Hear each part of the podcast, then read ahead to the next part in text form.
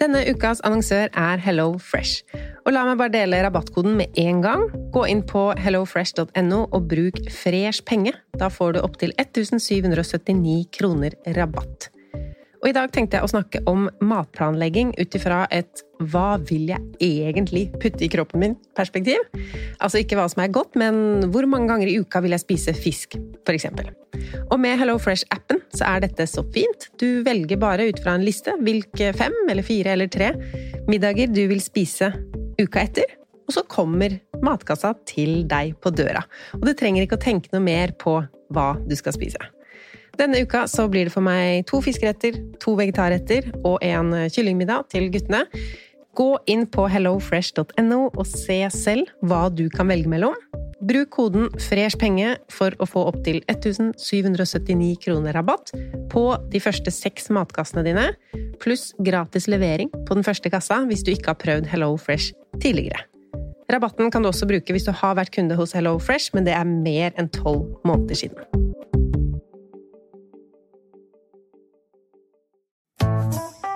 Har du et enkeltpersonforetak eller en liten bedrift? Ikke det? Nei. Nei, men da holder vi det enkelt og gir oss her. Fordi vi liker enkelt. Fiken superenkelt regnskap. Velkommen til Kjemperådet! Hey! Vi har fått inn et kjempenytt problem fra en mor. Jeg leser. Yes. Hei, jeg har en datter på 11 år som vurderer å slutte med orientering. Hun elsker jo å løpe, men finner aldri veien. Og jeg må sitte så lenge i bilen og vente. Tricky. Yes, Ja, men ja dette her har jeg opplevd selv, faktisk. Og løsningen for meg ble da Maps på mobilen. Ja, hun er jo under 13 år. Da får hun 5 gigabyte data for bare 149 kroner med Telenor. Oi. Hun bør jo sjekke ut nye mobilabonnement på telenor.no, da. Yes!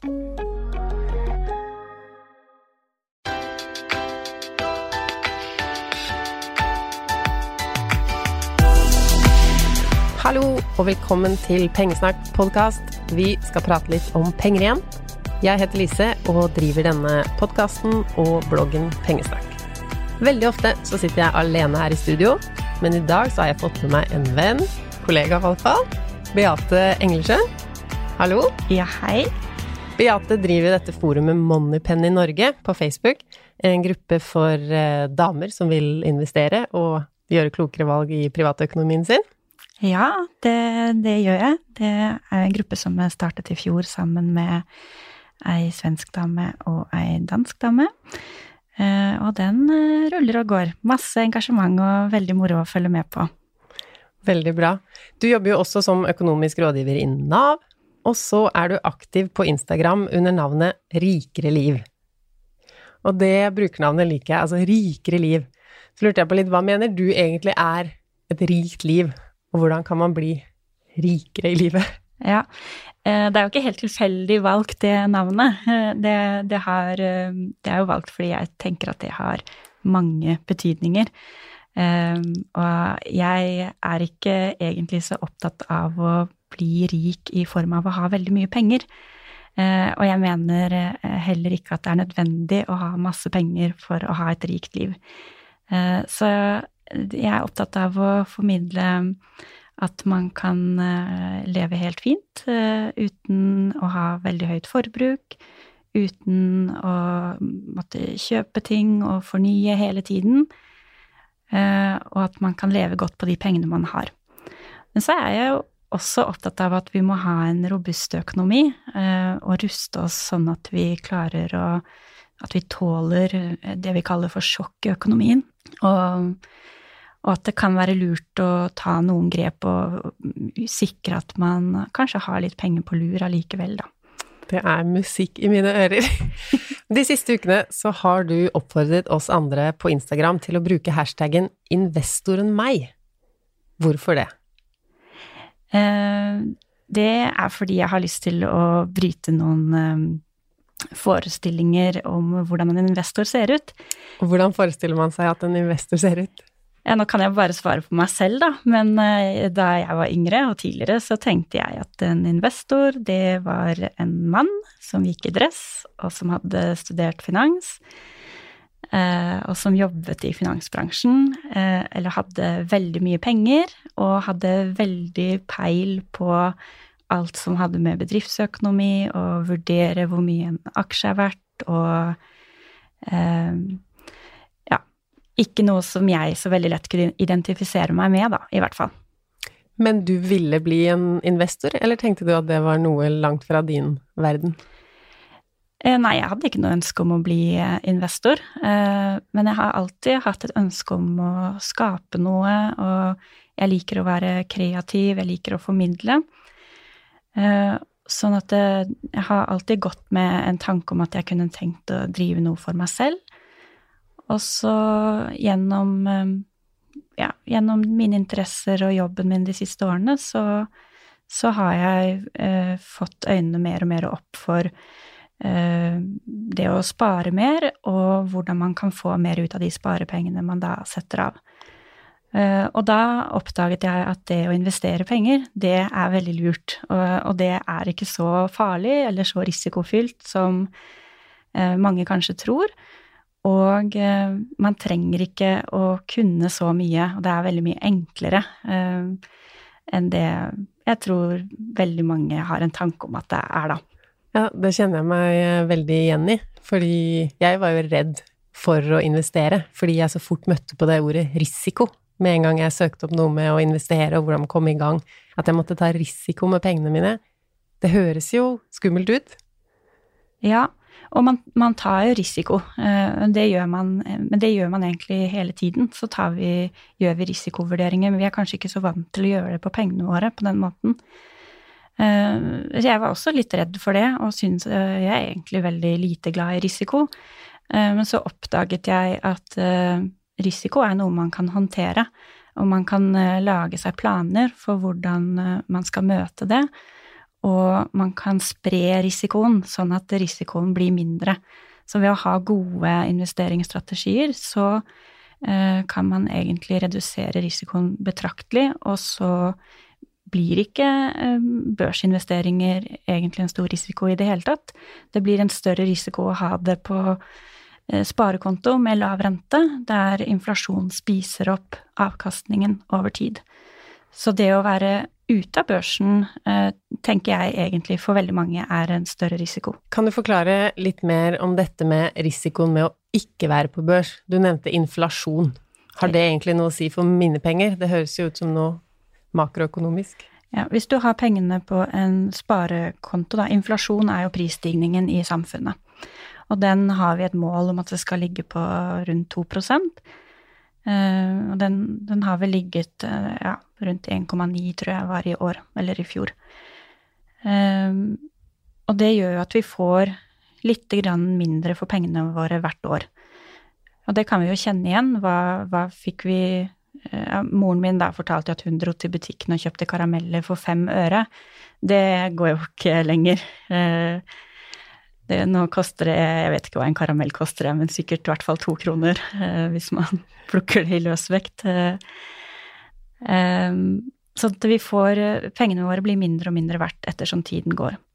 Og hvis du da har pengene dine på en sparekonto hvor du får Uh, hva var det du sa i stad, Lise? Du nevnte 0,85% rente. Ja, og det er på en supersparekonto som vi har. Der er det 0,85% rente. Ja, så hvis du får 0,85% rente, og så er inflasjonen 2% da taper jo pengene sine verdi hvert eneste år du har den på sparekonto.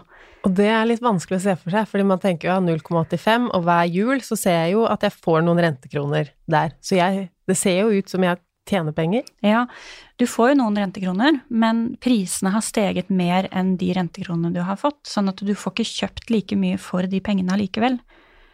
Og så vet vi da at på børsen, den, den svinger. Så det, på kort sikt så er, har børsen mye høyere risiko enn en rentekonto. Men det vi ser på lang sikt, hvis vi ser over en periode på 10, 20, 30, 40 år, så går børsen oppover. Det viser all empiri og all historikk. Eh, så det er ikke noe grunn til å være redd for at, eh, at eh, pengene skal være borte hvis du har de lenge på børsen. Du sa også at risikoen kan bli mindre hvis man har en god investeringsstrategi. Og da hørtes det litt komplisert ut igjen. Hva er en god investeringsstrategi? Ja, ja, det er dumt når vi bruker sånne ord, for da høres det så komplisert ut. Men det er ikke så veldig komplisert.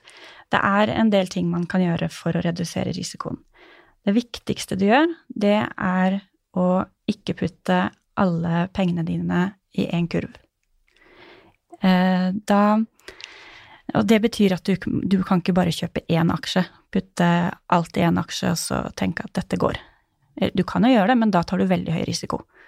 Altså hvis jeg investerer i ett selskap, så tar jeg stor risiko. Ja. Eh, For, for ett selskap, det kan jo gå konkurs. Ja. Så da kan du faktisk risikere å tape alle pengene dine. Så et av de viktigste rådene, det er å ikke putte alle pengene i en kurv, eh, men spre det utover flere aksjer. Men hvor Og- mange selskaper må jeg ha da, for å føle meg trygg? Jeg tror Aksje Norge har en anbefaling på minst åtte til ti aksjer. Eh, Men den enkleste måten å spre eh, investeringene sine på, det er jo å kjøpe fond. Da, da skjer jo det automatisk. Og da får du minst 16 aksjer i et fond, men ofte veldig mange flere. For hvor mange kan det være i altså de aller største fonda? Hvor mange forskjellige selskaper er inni der? Eh, det har ikke jeg noe konkret tall på, men det kan være flere hundre. Så mange.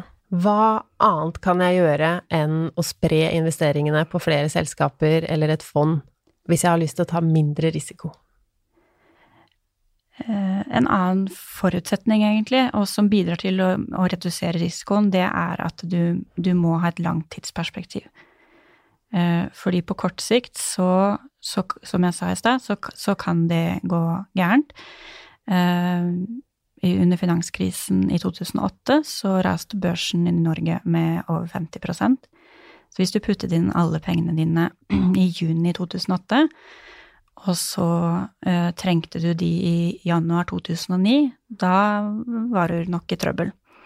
Så det er vel eh, Jeg tror jeg må likestille de to, de to eh, reglene, hvis vi kan kalle det det. At eh, man bør ikke putte alle pengene på én aksje, og man må ha minst fem års tidshorisont, er det som anbefales. Gjerne lenger. Ja, så hvis jeg skal pusse opp kjøkkenet om to-tre år, så skal jeg ikke investere. Nei. Og det, det, er faktisk, eh, det er faktisk litt viktig å være bevisst på, fordi at eh, det er så lett når man begynner å investere. eh, Så hører jeg mange si at man blir nesten litt sånn hekta. Og så har vi hatt over ti år nå med oppgang på børsen, nærmest kontinuerlig. Og da blir det veldig fristende, og, bli, man blir kanskje litt sånn grådig. Og så tenker man nå, nå skal jeg putte alt på børs, for dette, dette går jo bare veien. Eh, der, så der må man ha litt disiplin, og så eh, må man være litt fornuftig og, og følge disse reglene. Minst fem års tidshorisont hvis du skal være på børsen. Og det betyr at hvis du har lavere, så, så må du tenke litt annerledes om du skal, hvor du skal plassere de. Eh, Det fins jo noe som heter rentefond også, som er, har litt mindre risiko. Eh, Men eh, jeg syns egentlig at sparekonto er et helt greit alternativ for disse kortsiktige sparemålene. For nå har jo markedet gått oppover lenge, og hvert år så sier noen at nå kommer det snart en nedtur, nå kommer det snart en nedtur. Hva tenker du om det at du ber oss alle om å komme oss på børs, og så kan det starte en nedtur neste uke som varer i et år eller to år?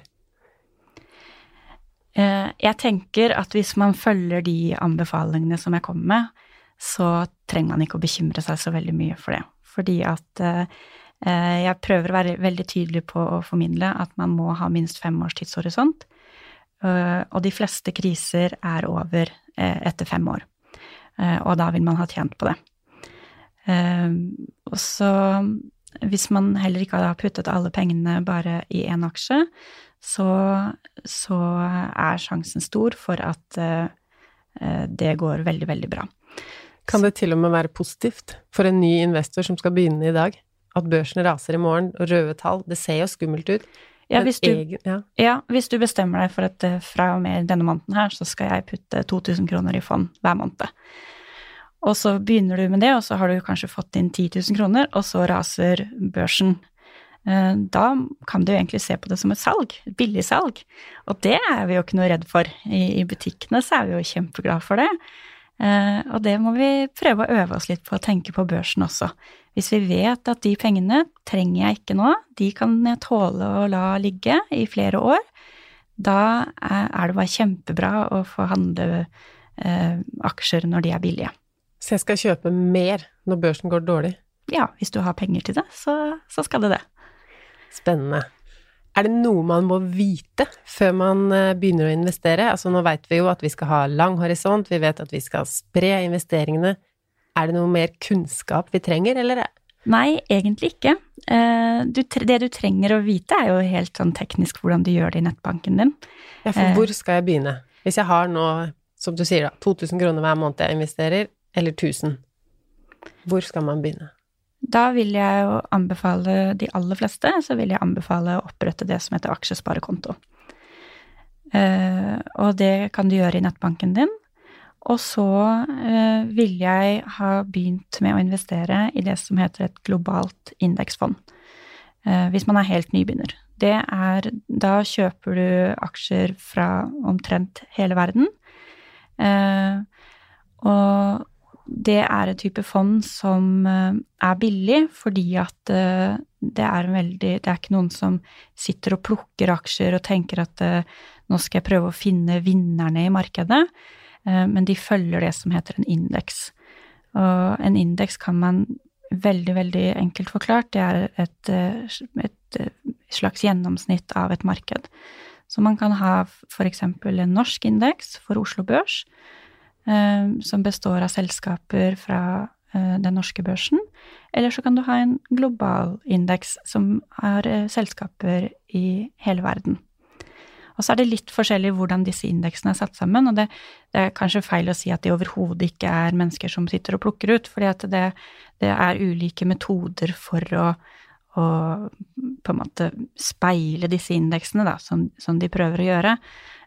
Men det er, det er, veldig mye billigere og veldig mye enklere enn å sitte og analysere selskaper og, og bransjer og områder og, og, prøve å finne den bransjen eller den aksjen som vi tror kommer til å gjøre det best det neste året, f.eks. Du sa jo at det er for nybegynnere å investere i eh, indeksfond og globale indeksfond. Hva skal jeg gjøre hvis jeg, blir, hvis jeg har lyst til å være litt proffere enn det, da? Eller kan jeg holde meg der jeg er nå? For jeg investerer jo kun i dette.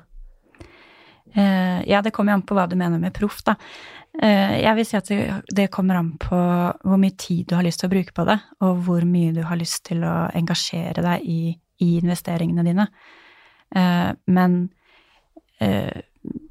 statistikk viser jo at det er vanskelig for de som er litt mer aktive forvaltere, å slå det som da heter indeks, og særlig i, i globale fond. Jeg tror eh, de fleste eksperter vil være enig i at det å ha en base i investeringene sine som består av indeksfond, det er en veldig god idé. Eh, men så er det jo det at det for noen kanskje blir litt kjedelig. Og så er det også det at når du investerer i indeks, så du vet to ting. Det ene er at du får med deg markedets avkastning, um, og, du, og, og, det er det du får. Du får ikke noe mer. Du får aldri den aksjen som gjør tusengangeren, og, og kan på en måte gjøre tusengangeren på porteføljen din. Um, sånn at hvis du har lyst til å ta litt høyere risiko, og da også kanskje muligheten til å tjene mer penger, så kan man uh, så kan man eh, lete etter aktive fond. Eh, jeg har, både, jeg har en Jeg tror jeg har ca. 75 av investeringene mine i indeksfond. Og så har jeg ca. 25% i aktive fond og noe i enkeltaksjer. Og det er en strategi som jeg har valgt fordi jeg syns det er gøy med investeringer. Og så syns jeg Har jeg lyst til å se om jeg kan prøve å slå indeksen. Og den eh, 25 i porteføljen min, den ser jeg på som lekeporteføljen min, og som jeg tør å ta litt høyere risiko. Og, men det viktigste jobben den delen av porteføljen min gjør, det er å hjelpe meg å holde strategien min på de 70-75% resten. For da blir ikke jeg frista til å tulle med de. Da ligger de i indeks og godgjør seg. Og så eh, kan jeg leke litt mer med de andre pengene. Mm, spennende. Jeg eh, har laget meg noen regler, eller sånne eh, kjøreregler for hva man må ha på plass før man kan begynne å investere. For jeg syns det er gøy med den investor meg, at vi skal vise mangfold, og at alle faktisk kan investere. Det visste ikke jeg da jeg var yngre, at jeg kunne bare overføre en hundrelapp i nettbanken, så var jeg også en investor. Men før man blir ivrig og begynner, så bør man ha noen andre ting på plass. Så da skal jeg høre om du er enig i mine punkter her. Og det første er å kvitte seg med alle lån som har en rente på over 5% Ja. Eh, definitivt. Altså, jeg er jo gjeldsrådgiver, så, så, det å kvitte seg med dyre lån, det er absolutt første bud. Og, og, og, det er egentlig veldig logisk også, fordi at man vet over tid så kan man forvente en avkastning på mellom 8 og 10% på børsen. Eh, men dyre lån har ofte en rente på 15-20-30% så det vil jo ikke lønne seg å putte pengene på børsen da. Nei, så det mest lønnsomme man kan gjøre med pengene sine, er å prioritere de dyre lånene. Ja, hvis man har det. Og hvis man ikke har det, da, så er mitt neste bud, skal se om du er enig her, da, det er å ha en bufferkonto.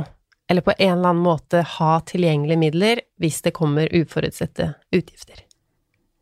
Ja, helt klart. Um, og det henger også sammen med det vi snakket om i stad, at vi må ha minst fem års tidshorisont.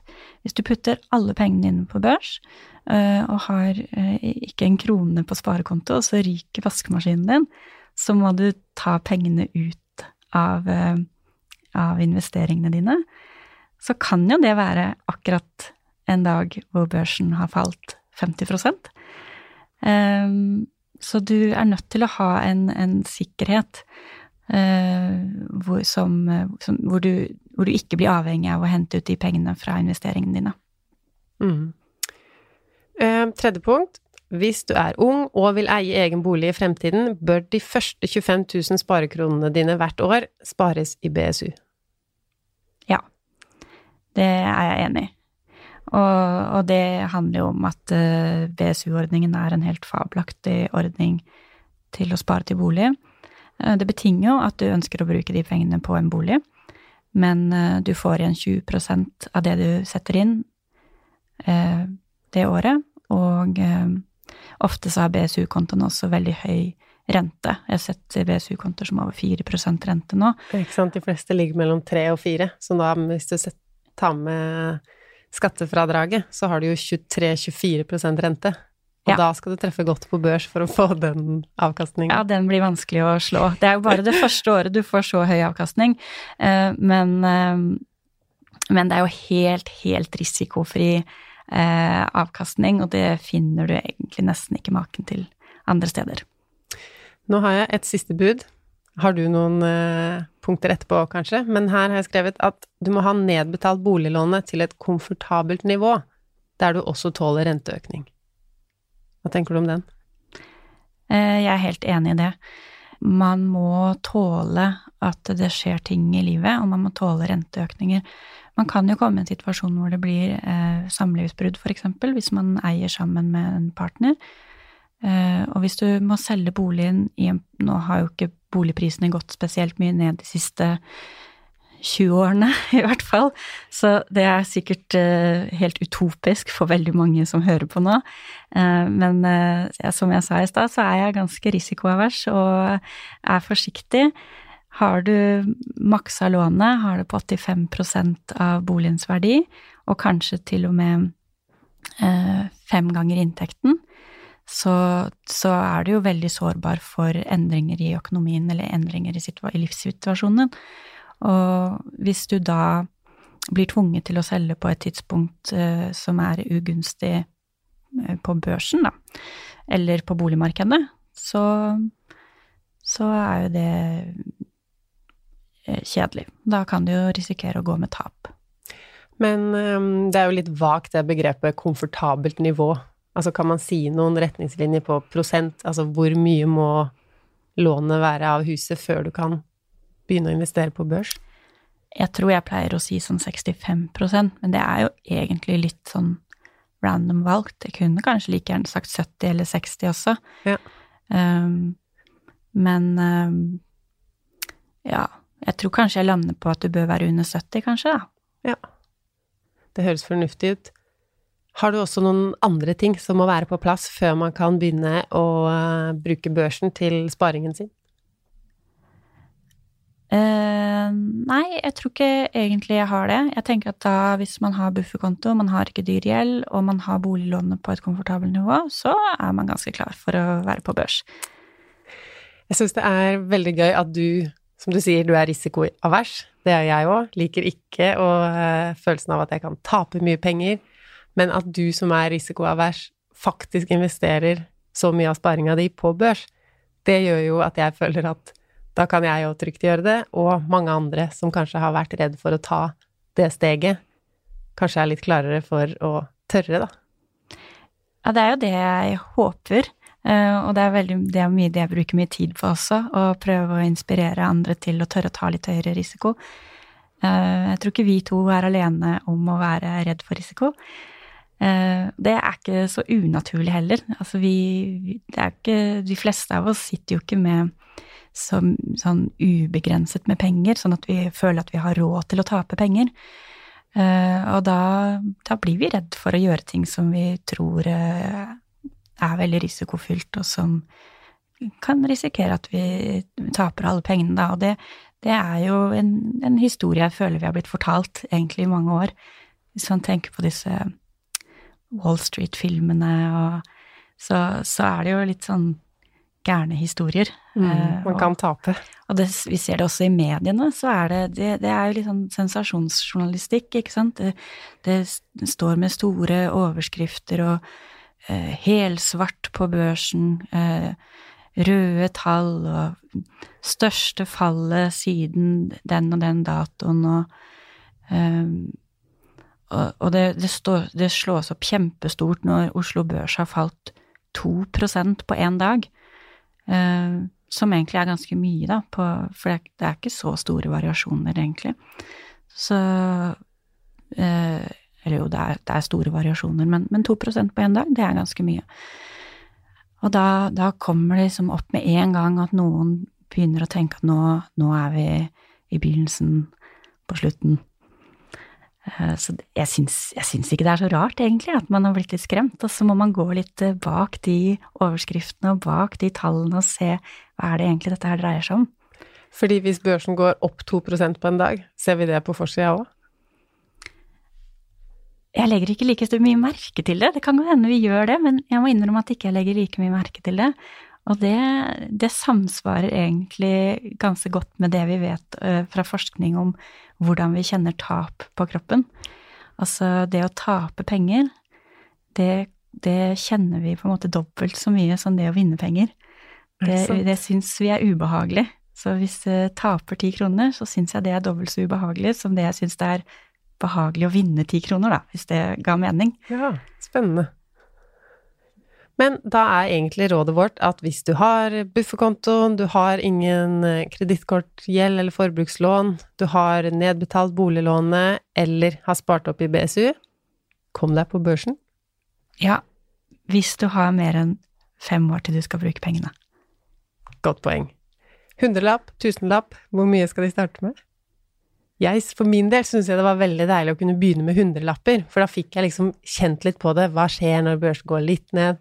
At jeg ikke hadde så mye investert at, at det var bare liksom mindre beløp i starten, da, sånn at jeg følte meg komfortabel, og brukte litt tid med små beløp før jeg starta med å investere større beløp. Jeg tror det er en veldig lur strategi. Økonomisk sett så er det jo alltid lurt å begynne med mer. Men så er jo ikke vi maskiner som, som gjør alt det lureste og det beste til enhver tid. Så det å starte med små beløp, og akkurat som du sier, å kjenne litt på hvor godt tåler jeg risiko? Eh, jeg syns eh, min kollega, da, for å kalle henne det, Linnea Schmidt, hun skrev en veldig god kronikk her om dagen om risikoen i den beste strategien. Eh, for vi, vi vet at det å ha en langtidshorisont, det, det er viktig, og det reduserer risikoen din. Men det fordrer jo at du klarer å holde den, den strategien, og at du ikke blir frista til å ta ut pengene når det butter litt imot. Og det kan være en krevende øvelse. Så da kan det være lurt å begynne med mindre penger. Eh, jeg hørte på en eh, amerikansk podkast en gang en, en, eh, som sa at det er egentlig ikke Du skal ikke få råd om hvordan du kommer deg inn på børsen, for det finner du ut av. Det er hvordan du skal holde deg der. Du må be om råd på, for det er det vanskelige. For det, vi kan jo snakke om at børsen går opp og ned, at man taper penger, og så har børsen falt 50% og 2% og 8% Men du har jo egentlig ikke tapt pengene før du har solgt de. Eh, så jeg må vente på en topp før jeg selger? Ja, du, du må jo selge de når du trenger pengene. Um, eller før du trenger pengene, må du selge de. Fordi at du vet aldri når fallet kommer og, og, og hvordan det utvikler seg. Men uh, ja, det ideelle er jo å kjøpe på bunn og selge på topp. Det, det er jo enhver investors ønskescenario. Problemet er at det er veldig vanskelig å få til i praksis. Selv for de profesjonelle som jobber med dette hele tiden, hver dag. Så det å det å holde seg på børsen også i urolige tider Det er veldig mange som eh, er glad i å vise fram en sånn graf hvor man ser eh, når det begynner å nærme seg toppen, så er det flere og flere som tenker at nå, nå, kan jeg begynne å investere. Og det, det, passer jo egentlig godt kanskje i den trenden vi er i nå, fordi mange snakker om at vi, vi begynner å nærme oss toppen. Det er egentlig ganske stor enighet om det. Men det har man jo sagt de siste ti åra òg. Ja, man, man, har det, og kanskje særlig siden 2014, da oljeprisen falt så mye også. Mm. Um, og det er jo mange som sier at når taxisjåføren begynner å snakke om aksjer, da skal du selge. Uh, men denne, på denne grafen da, så ser man at nei, når du begynner å nærme seg toppen, da har du lyst til å kjøpe, og så går du inn, og så, begynner, så faller børsen eh, litt, og så faller den mer og mer og mer, og så tenker du veldig lenge at ja, ja, men jeg har is i magen, dette klarer jeg. Børsen svinger, børsen svinger, dette klarer jeg. Og så faller den enda mer, eh, og da mister du huet litt. Og så tenker du nei, fader heller, jeg visste jeg skulle aldri ha gjort det her, og det var altfor farlig. Eh, og så selger du pengene dine, eller aksjene dine, når det er eh, kanskje nesten på bånn. Og så begynner det å gå oppover igjen, og så nøler du med å gå inn fordi at eh, nei, dette har jeg vært med på før. Jeg vil jo ikke gjøre den samme tabben igjen. Nei. Man tenker at nå, nå, har jeg lært, og så begynner det å gå over det nivået hvor det var da det falt.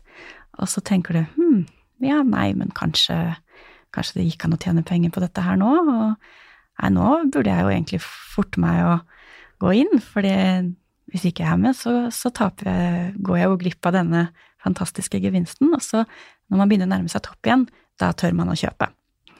Så det er jo en typisk investorreise. Ja. Også man må ha en god plan for å, for å unngå. Ja, og den planen har du jo gitt oss. Vi skal være inne lenge, og vi skal spre investeringene våre i flere aksjer eller i store fond.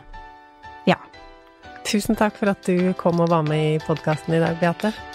Jo, det var bare hyggelig.